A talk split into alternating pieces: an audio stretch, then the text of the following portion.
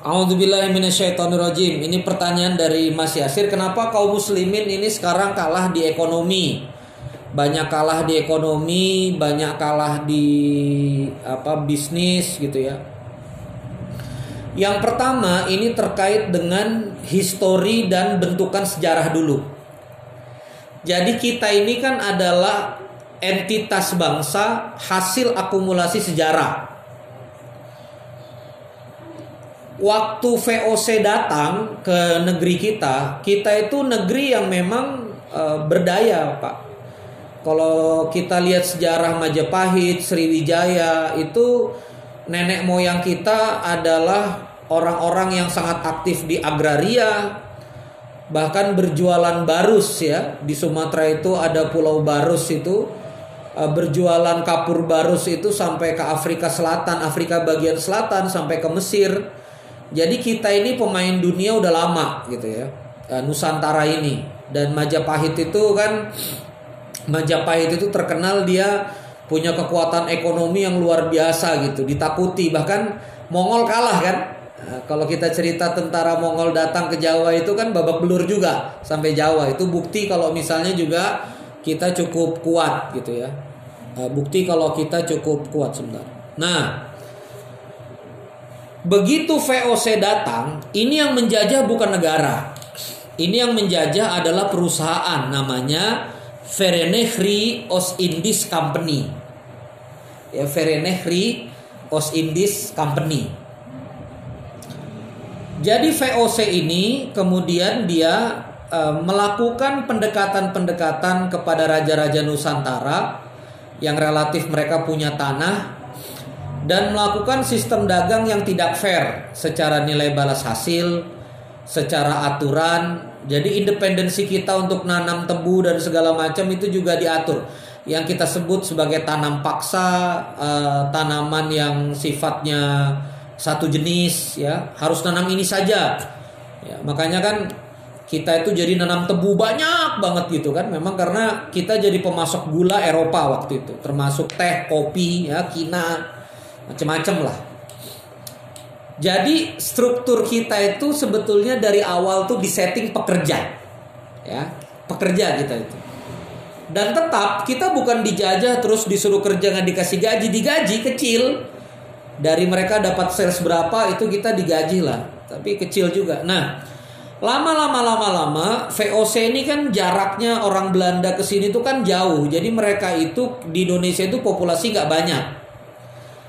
Waktu VOC itu bangkrut, mereka bikin pemerintahan struktur namanya Hindia Belanda di sini. Nah, mereka bikin sistem tiga tiga spesies mereka bagi itu, bukan tiga spesies, tiga apa tiga golongan. Golongan pertama adalah golongan mereka, golongan kulit putih, ya. Golongan kulit putih ini Eropa, bangsa mereka golongan satu. Golongan kedua mereka sebut golongan Asia jauh, Far East ya.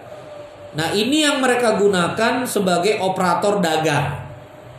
Ya, jadi supaya kemudian kekuatan ini pecah, jadi mereka pilih ini uh, kulit kuning ya. Kalau mereka kulit putih merah, ini kulit kuning, ini kemudian uh, mengoperasikan bisnis mereka dan yang ketiga ini baru Melayu gitu ya. Uh, apa saya lupa istilahnya apa di Belanda itu bahasa Belanda.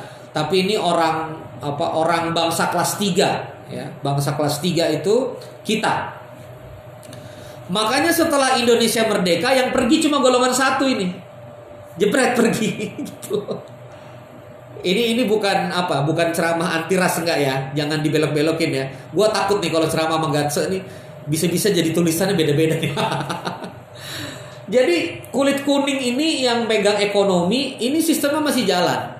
Jadi yang pergi itu cuma kedaulatan politik, kedaulatan ekonominya masih jalan terus. Jadi itu Pak asal muasalnya. Nah, seiring alam demokrasi ini dibuka, ya seiring demokrasi ekonomi ini dibuka, kaum muslimin ini baru-baru aja masuk ke ekonomi. Baru-baru aja bikin pabrik, baru-baru aja belajar bikin pengalengan ikan, baru-baru aja belajar finansial literasi. Jadi ini baru-baru aja gitu loh. Baru-baru aja. Nah, makanya sebetulnya permasalahannya Pak Faris ini cuma kalah start. Ya. Kalah start saja. Jadi uh, eh, PR kita bahwa kita tertinggal dalam peta sejarah itu yang harus kita baca dulu. Kenapa sekarang lambat? Gitu loh. Bayangkan Pak VOC dan Hindia Belanda itu tiga setengah abad. Kita merdeka ini belum ada satu abad, gitu kan? Ya kan? Kita dijajah sama VOC sama Hindia Belanda itu tiga setengah abad. Kita ini merdeka pun belum ada satu abad. Demokrasi ekonomi artinya bukan siapa-siapa bisa punya uang, bukan siapa-siapa bisa ikut tender. Itu baru terjadi tahun 99, 98. Mengkristalnya zaman SBY lah. 2004, 2005, 2006 itu baru mengkristalnya demokrasi ekonomi. Artinya anak siapa saja asal punya kompetensi dia bisa main di Indonesia. Kan gitu. Dan itu tergambarkan dengan peta politik yang bergerak makin menengah apa makin merata. Kan di Indonesia ini nggak ada partai yang lebih 30% nggak ada. Partai paling besar aja di bawah 30% merata semua rata-rata air lah semuanya. Nah kemerataan kekuatan politik ini juga yang menjadi nanti apa pintunya demo, demokrasi ekonomi jadi anak-anak apa anak-anak uh, kayak kayak saya bukan anaknya siapa-siapa. Bro, gatse juga lah ya kita dari alam Twitter gitu kan. bukan anak siapa-siapa. Itu bisa dapat berkah ekonomi di sini kalau misalnya berkompetensi. Itu itu alasan yang pertama. Jadi alasan pertama itu di titik historis, ya. Alasan kedua itu di titik kompetensi, Pak. Kompetensi. Kompetensi. Demi Allah. Contoh misalnya pengalengan ikan. Misalnya perusahaan kaum muslimin mau bikin pengalengan ikan. Itu kita nggak menguasai suplai bahan baku. Kita nggak menguasai jaringan nelayan. Sementara saudara kita sebangsa setanah air yang berbeda agama dan kemudian juga punya pengalengan ikan, itu mereka dari zaman dulu itu sudah bangun sistemnya ya ngasih utang ke nelayan, bikin koperasi berbunga, nelayan cuma bisa jual ke mereka. Jadi ini terkait infrastruktur yang terlalu mencengkram juga banyak yang mereka sudah bangun lama banget sehingga begitu kaum muslimin masuk susah, bahan bakunya mahal dan seterusnya. Pandemi COVID-19 sebetulnya mengulang semuanya, riset, kocok ulang. Nah, ini berita baik. Jadi pandemi ini sebetulnya bikin perusahaan gede-gede rontok, nah semuanya kita kocok ulang. Nah ini kesempatan sebetulnya bagi kita uh, pengusaha muslim untuk kemudian bisa masuk ke ruang-ruang uh, ini sebetulnya. Saya kira begitu. Poin poin yang kedua di titik kompetensi, kemampuan. Jadi kita ada PR bangun kemampuan di kalangan kaum muslimin. PR yang ketiga adalah dukungan dari kaum muslimin sendiri yang belum solid, gitu ya. Kita ini punya budaya pak, di mana-mana itu di mana-mana. Kalau banyak bertengkar, ini saya belajar dari filosofinya kawan saya yang Batak gitu ya. Kawan saya Batak bilang nih orang Batak kalau di kampung berkelahi, kalau di uh, rantau kompak, nah, gitu. Kenapa? Karena waktu di rantau sedikit, iya kan? Sama kayak kaum muslimin di Jerman kompak, saya ke Perth kompak, saya ke Melbourne kaum muslimin kompak.